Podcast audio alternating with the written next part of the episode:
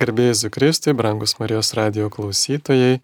Šiandien laidoje mes susitinkame su Šiaulių vyskupu, jo ekscelencija Eugenijumi Bartuliu. Garbėjai Kristui. Per amžius amen.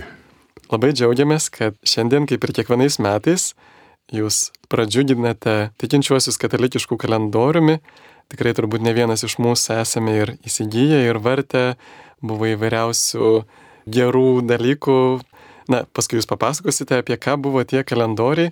Man atrodo, čia toks yra labai išmintingas evangelizavimo būdas, nes pavyzdžiui, kai kažkas išleidžia laikraštį, na tai po savaitės tą laikraštį ar po dienos išmeta, o kai išleidžiat kalendorių, tai žmogus turi visus metus.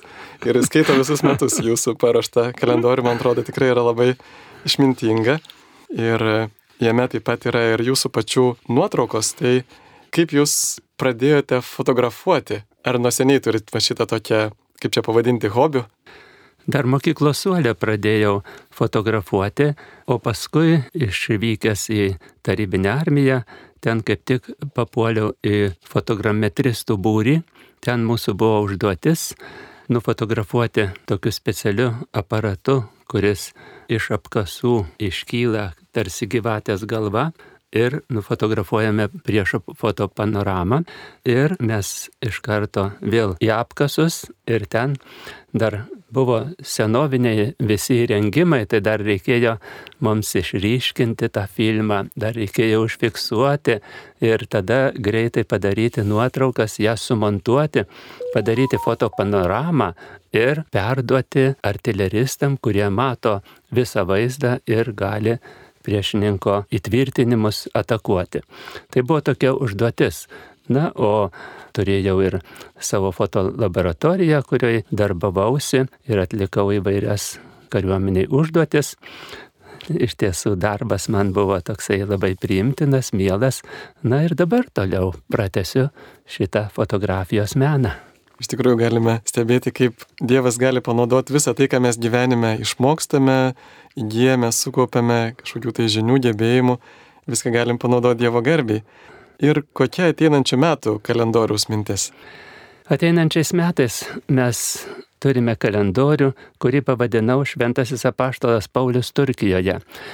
Buvo mums gera proga rugsėjo mėnesį su keturiais viskupais ir grupė kunigų keliauti Turkijoje apaštalo Pauliaus keliais. Kilo mintis, kad visą tai reikėtų pagarsinti ir paskleisti mūsų brangioje tėviniai Lietuvoje, kad galėtume nors trumpai susipažinti bent akimirkomis, kur keliavo apaštalas Paulius ir šią žinę visiems padovanoti kaip linksmąją gerosios Evangelijos naujieną. Per kiek jau kalendorių esate išleidęs? Jau šiais metais 17 kalendorius, o. kuris pradžiugins vėl visus nepaprastai brangiais vaizdais iš Turkijos. Ir mes galėtume galbūt šioje laidoje perėti per kiekvieną mėnesio pristatymą, žvelgdami į vaizdus, kurie veda mus apaštalo Pauliaus keliais, gal galėtumėt pristatyti tuos visus mėnesius. Labai ačiū. Sausio mėnesį matome Trojano šventyklos griuvėsius Pergame. Trojanas tai Romos imperatorius nuo 98 metų. Jis paskelbė krikščionybę nelegale. Reikia pabrėžti, kad romėnų įstatymai baudė ne už įsitikinimus, o už veiksmus. Kiekvienas krikščionis galėjo būti patrauktas į teismą, jeigu būdavo įrodoma, jo atsisakymas dalyvauti imperatoriaus garbinimo ceremonijoje. Gana senas yra Martyrium Ignacijai, pagal kurį Trojanas savo devintais valdymo metais po pergalės prieš skitus ir dakus nusprendė įtvirtinti iškovojimus religijos sferoje. Tad jis įsakė, kad krikščionys turi vienyti su kaimynais pagonimis, šlovindami dievus. Ignacijus darė viską, kad sukliudytų tos imperatoriaus valios pildymą. Ir jo pastangos neliko nepastebėtos. Jis buvo suimtas ir pristatytas Trojanui, tuo metu viešėjusiam Antijochijoje. Šis įsakė Ignacijų atgabenti į Romą, kad būtų viešai sudraskytas žvėrių. Tai matome, kokie žiaurus to meto gyvenimo akimirksniai kuriuose turėjo skleistis geroji Evangelijos naujiena. Vasario mėnesį mes pradedame kelionę Šventojo Paštalo Pauliaus pėdomis, keliamės per Dardanelų sąsiaurį, jungiantį Marmuro ir Egėjo jūras ir važiuojame į Troją. Legendinės Trojos grįvėsiai Hisarliko kalvoje puikia Dardanelų antikinio Helesponto panorama. Vykstame Bergamo link, antikinis Bergamo akropolis, garsiosios bibliotekos, griuvėsiai, teatras, šventyklos, monumentalus Dzeuso altorius. Ir štai vasario mėnesį mes matome Raudonosios bazilikos griuvėsius Pergame. Raudonoji bazilika buvusi Serapijo šventykla, viena iš septynių apokalipsinės bažnyčių Bizantijos laikais tapusi bazilika. Kovo mėnesį jau keliaujame į Izmirą, Smirną, Šventojo Jono katedrą. Čia buvo labai gera atvažiuoti vėlai vakare, truputėlį buvo sukliudytas mūsų transportas, nes tikriausiai įvyko kažkoks auto įvykis ir buvo labai užtvindytos visos gatvės.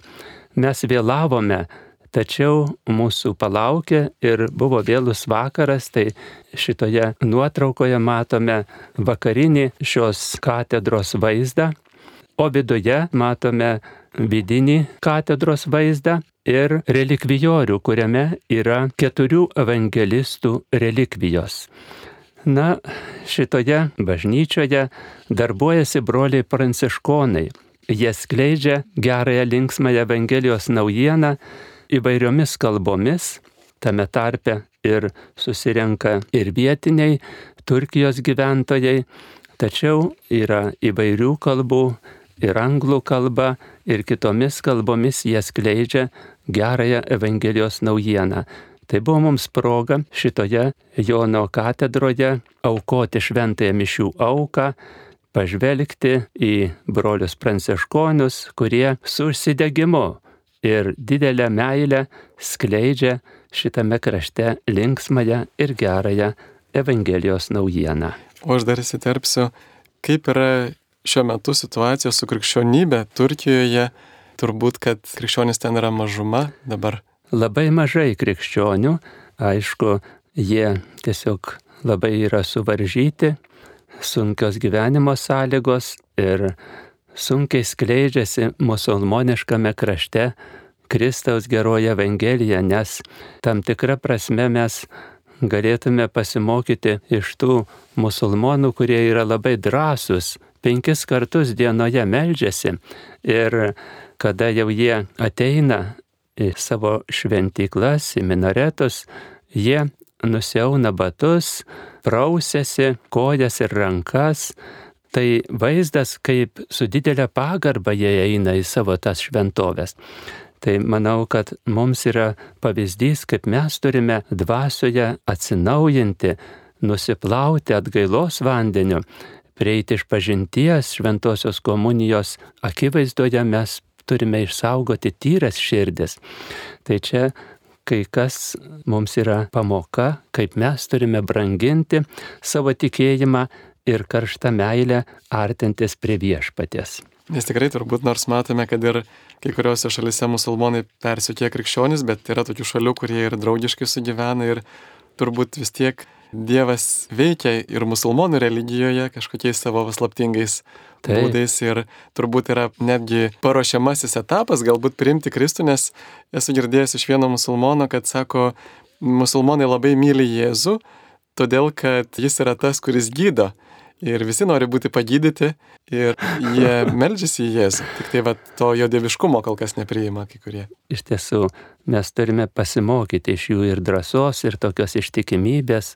Čia mes turime užsidegti irgi labiau giliaus tikėjimo šviesoje gyvenant. Ir aišku, tie tokie vat, perlenkimai, kur būna na, islamo vardu žudomi žmonės, terorizmas, tai turbūt galime pamatyti, kad ir mes kartais piknaudžiavame tą galę ir va, turbūt neveltui tas piknaudžiavimas galė ir yra religinio blogio šaknis ir net yra šventajame raštegi parašyta net tarp dešimties dievo įsakymų, netark dievo vardo be reikalo, Arba kitaip sakant, nenaudok Dievo vardo piktam, nes nepaliksiu nenubausto to, kuris naudoja Dievo vardą piktam. Tai turbūt matome irgi tuos terorizmo atvejus, kaip būtent va, to Dievo įsakymo pažydimą, kad žmogus naudoja Dievo vardą blogiui.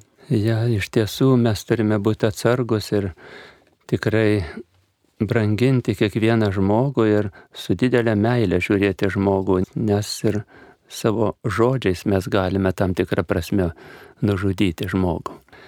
Toliau keliaujame balandžio mėnesį į Efezą. Tai Šventojo Jono bazilikos griuvėsiai ir kapas. Matome, kad viskas beveik krikščioniškoje atmosferoje, krikščioniškoje aplinkoje yra sugriauta.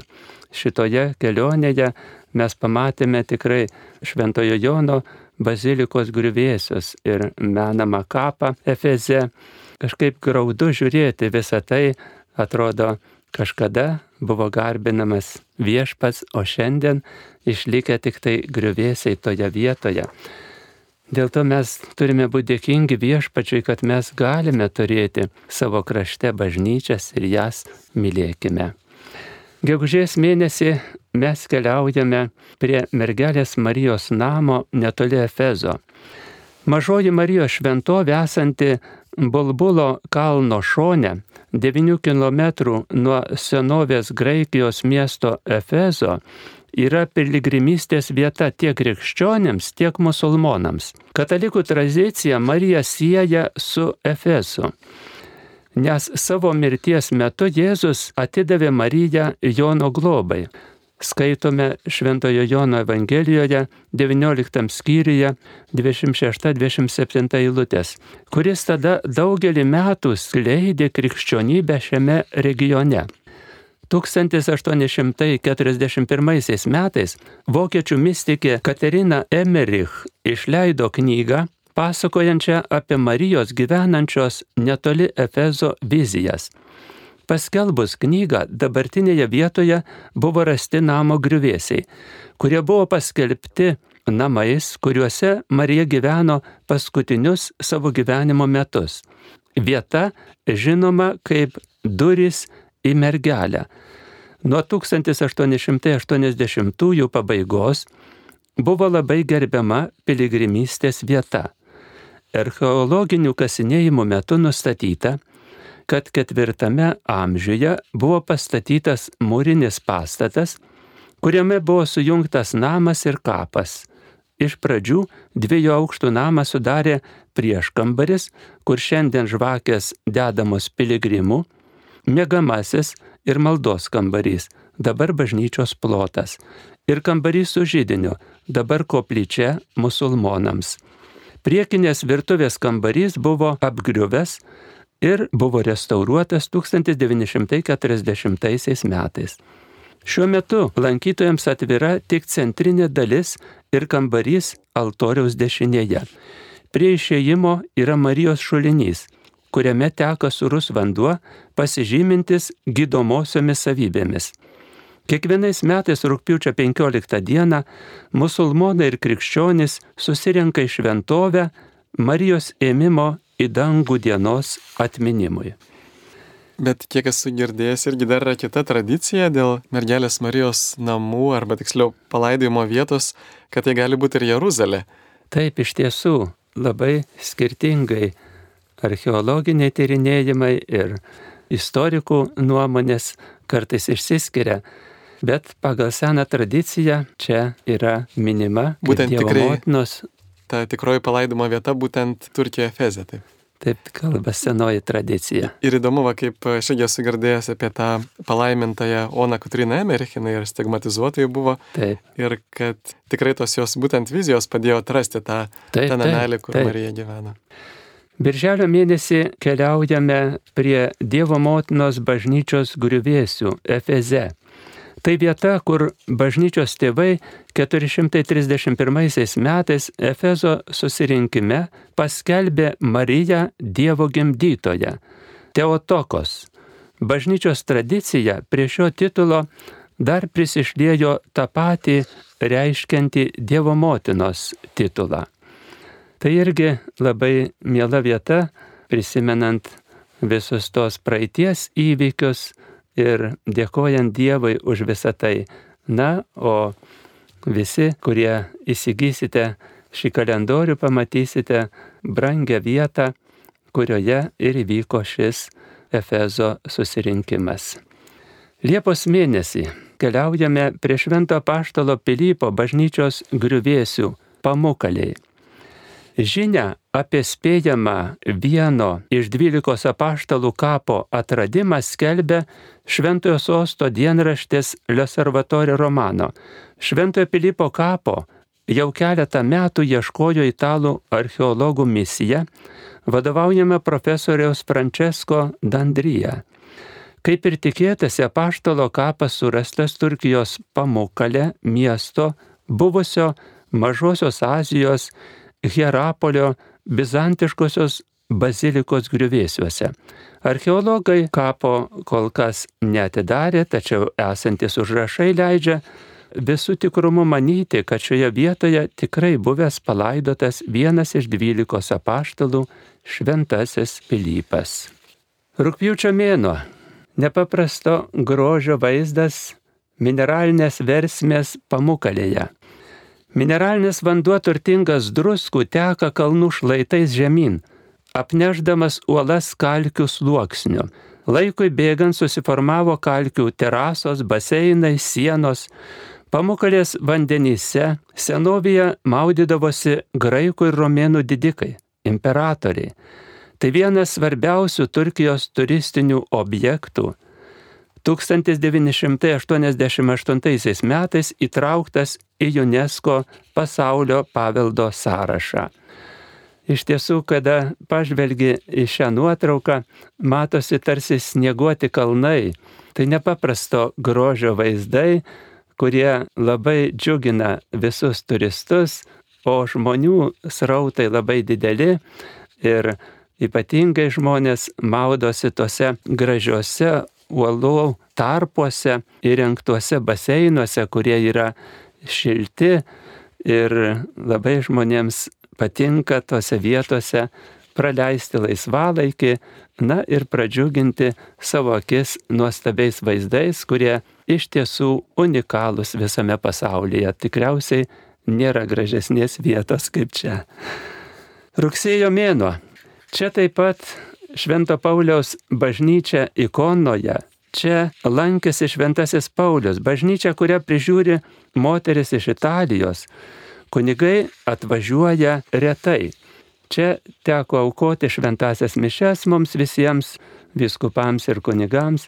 Ir labai gera, kada nors kažkokią dalelę surandame, kur galime laisvai prisiglausti ir aukoti šventą mišių auką, nes kitose vietose netgi nėra kur.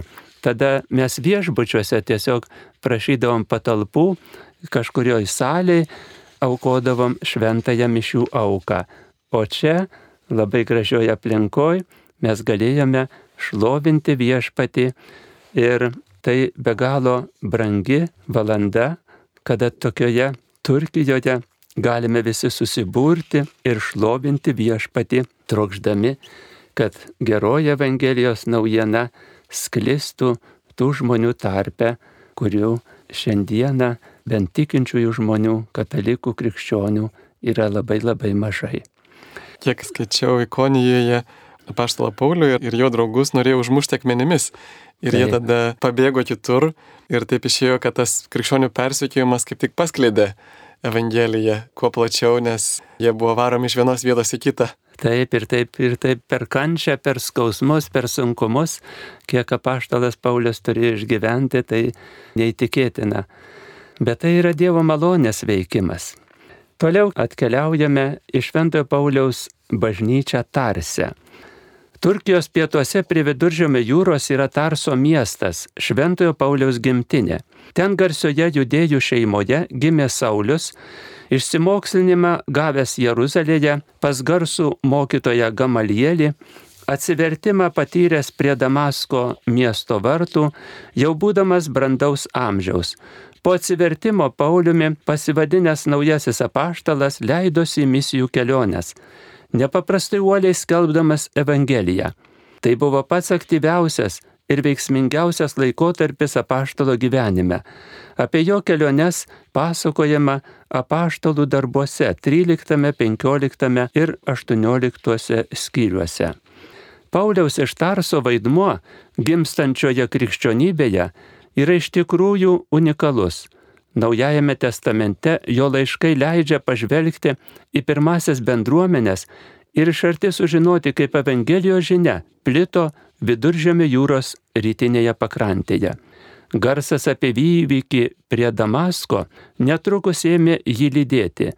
Jo balsas skiriasi nuo kitų, nepaisant jokių socialinių, kultūrinių ir religinių skirtumų, visas dėmesys, ką Dievas nuveikė Kristuje dėl žmogaus.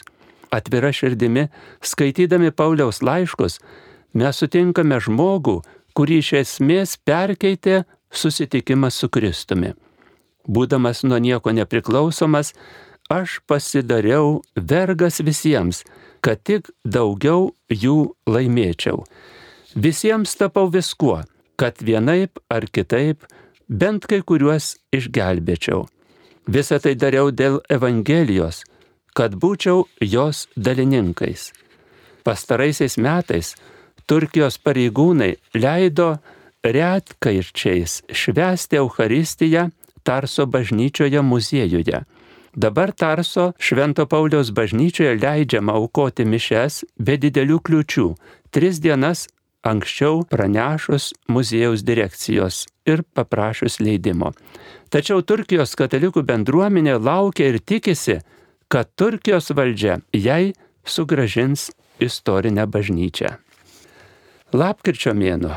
Tarse yra išlikę antikiniai Kleopatros vartai, Romėnų tiltas, Tarso muziejuje saugojami senoviniai archeologiniai radiniai. Yra iš Tarso kilusio Šventojo Pauliaus bažnyčia mečetė, kurioje, kaip teigiama, palaidotas pranašas Danielius.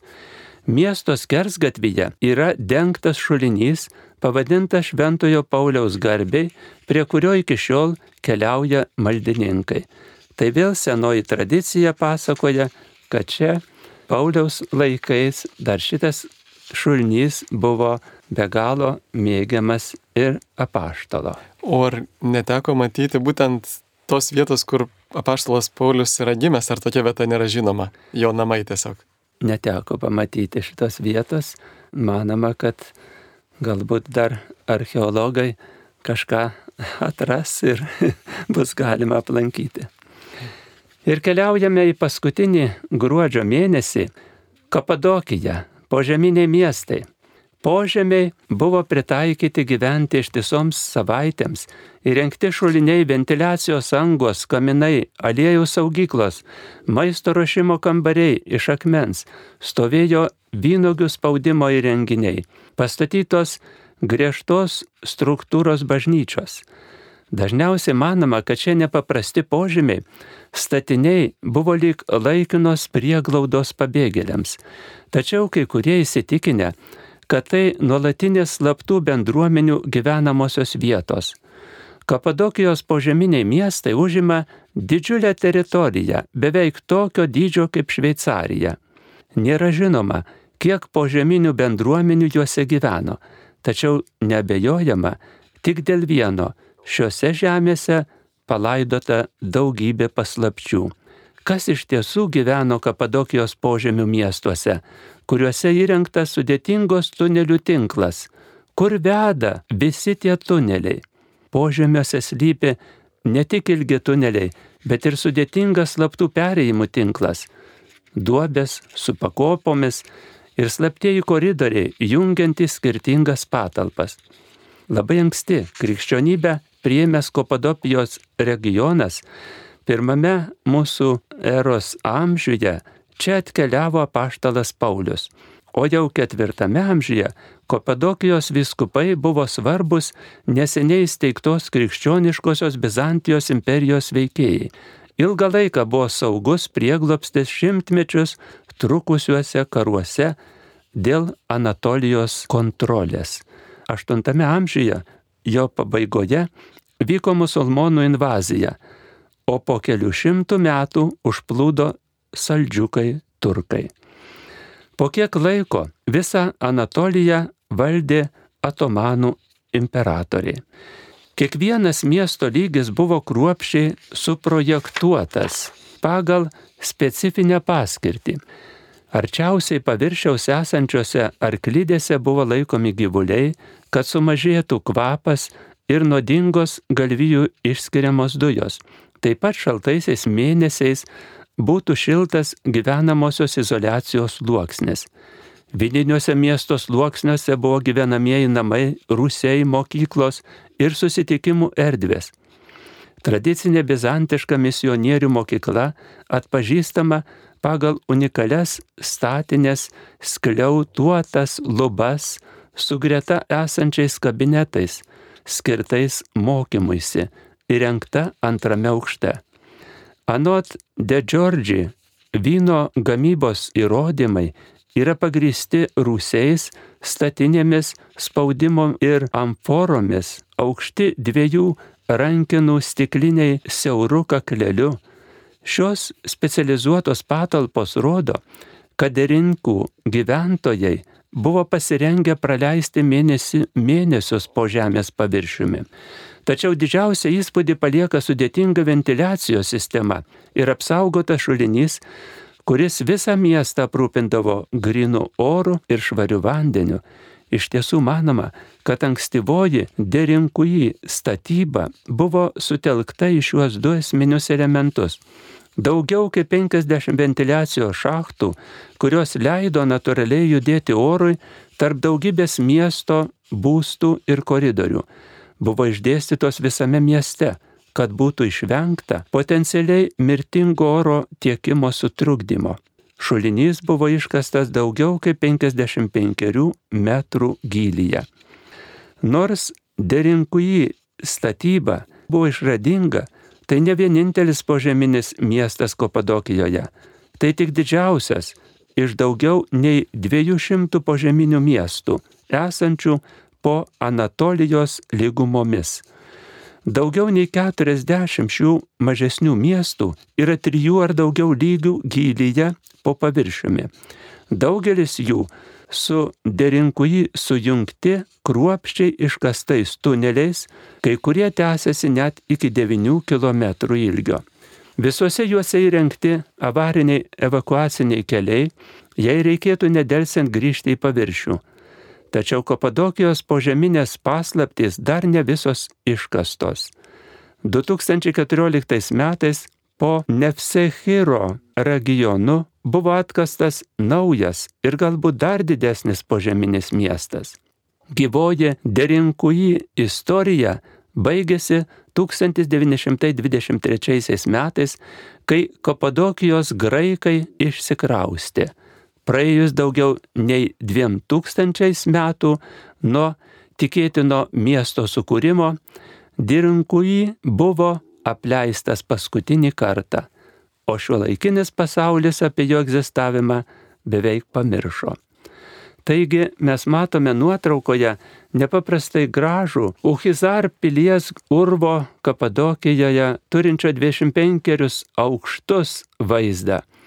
Tai nepaprasto grožio pilis ir daug kur išvaikščiojame, kiek buvo įmanoma Užlipome į patį viršų, nuo kurio atsiveria labai gražus vaizdas. Tam tikra prasme turistų stebuklas šitoje Turkijos žemėje. Ir Kapadokijoje yra 36 požeminiai miestai. Jie galėjo turėti apie 20 aukštų ir įsikūrė 85 metrų gylyje. Turistams leidžiama nusileisti tik į 8 metrų gylį. Ir mes jau ten turėjome tiesiog vos nekeliais raupoti ir kurie buvo stambesni kunigai, tai vos pralindom, nes labai siauri tie tuneliukai yra. Ir čia rado prieglopsti pirmieji krikščionys, besislapstantis nuo romėnų persekiojimų. O 1985 metais šie požeminiai miestai įtraukti į UNESCO pasaulio sąrašą. Taigi keliavome tokiais kraštais, kur iš tiesų aikčioji, matydamas tuos nepaprastus vaizdus, kurių niekur pasaulyje tikriausiai tokių nematyti. Taip trumpai prabėgome per visus ateinančių metų mėnesius susipažindami su tą aplinką, kurioje Šventasis Paulius apaštalas veikė ir mokė. Ačiū Jums tikrai įdomu ir norisi net ir pačiam aplankyti tas vietas, ypatingai tuos visus požeminius tunelius. Bet o ko mes galėtume pasimokyti iš apaštalo Pauliaus, galbūt ir iš to krašto aplinkos gyvenimo? Manau, mes turėtume pasimokyti to tikro uolumo ir drąsos, nes apaštalas Paulius patyrė daug išbandymų. Kaip apaštalų darbuose mes matome įvairūs išmėginimai jo laukia Bet jis buvo drasus. Jis žinojo, kad niekas mūsų negali atskirti nuo Kristaus meilės. Ir visą tai jisai parašo savo laiškuose. Todėl mums svarbiausia įsigilinti į jo laiškus, pajusti jo aukos dvasę ir taip pat suprasti, jog jeigu mes gyvename, viešpačiui gyvename, o jei mirštame, viešpačiui mirštame. Taigi mūsų visas gyvenimas turi būti suvienytas su Kristumi ir tada su apaštalu Pauliumi galėsim ištarti - gyvenu, tačiau jau nebe aš, manyje gyvena Kristus. Taip, iš tiesų Paulius jisai labai daug rašo apie tikėjimą, viltį ir meilę, būtent rodo mums tokį tiesų kelią vienybę su Dievu. O vad ir grįžtant prie kalendoriaus, kiekvieno mėnesio dienos keltyje yra įrašyti šventųjų vardai ir dėl ko dar yra paliktos kelios tuščios eilutės. Labai patogus šit kalendorius, kadangi mes kiekvieną dieną turime įvairių įsipareigojimų, tai mes galime tiesiog įsirašyti jau žvelgiant į ateities metus, kiekvieną mėnesį, kiekvieną dieną pasižymėti, kokie mūsų laukia svarbiausi darbai, kokios užduotys, nes kartais pasimiršta, tai čia labai ant sienos kabantis kalendorius arba mes išleidžiame ir pastatomą kalendorėlį mažesnį, tai visuomet yra patogu, žvelgiant į visą mėnesį ir į ateities mėnesius, pažiūrėti į savo planus ir neužmiršti, ką mes turime padaryti. Žodžiu, leidžiate pašyti ir rašyti ant jūsų kalendorių. Taip, iš tiesų, tam ir skirta šitos eilutės, kad galėtume pasižymėti ir neužmiršti savo įsipareigojimų. Na ir turbūt klausytėjams būtų smalsu sužinoti, kur galima būtų įsigyti šį kalendorių.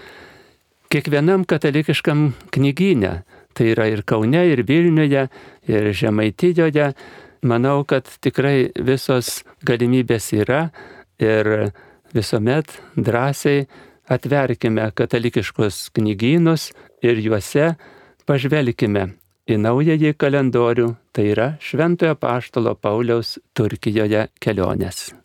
Jūsų ekscelencija, viskupė Eugenijų, gal galėtumėt pabaigai ko nors dar palinkėti Marijos radio klausytojams ir palaiminti? Labai džiaugiuosi, kad galima kiekvienais metais pristatyti naująjį katalikišką kalendorių ir žvelgdamas į Marijos radio klausytojus, visuomet trokštų, kad Marijos radijas skleistų tą linksmąją gerąją naujieną. Esu dėkingas visiems Marijos radio klausytojams, visiems rėmėjams, kurių pagalba yra būtina, kitaip ir neišsilaiko, tik tai gerų žmonių aukotojų lėšomis Marijos radijas šiandien gali gyvuoti. Tad linkiu, kad Dievo palaima lydėtų, o Marijos globa saugotų Marijos radio laidas, jų vadovus, vedėjus ir visus organizatorius bei rėmėjus. Tegul dangiškosios motinos Marijos globa jūs lydi ir globoja ateinančių metų kelionėje. Ir kad viešpats toliau lydėtų mus gyvenimo kelionėje, o mes džiugiai vykdydami viešpatės valią eitume tuo keliu, kurį nurodo Kristus, suteiksiu visiems palaiminimą. Viešpat su jumis. Ir su tavimi. Garbė viešpatės vardui. Dabar ir per amžius. Te padeda mums viešpats. Dangaus ir žemės kuriejas. Te palaimina jūs. Visagalis Dievas, tėvas ir sunus ir šventoji dvasia. Amen. Te lydi jūs viešpatės malonė. Dėkojame Dievui.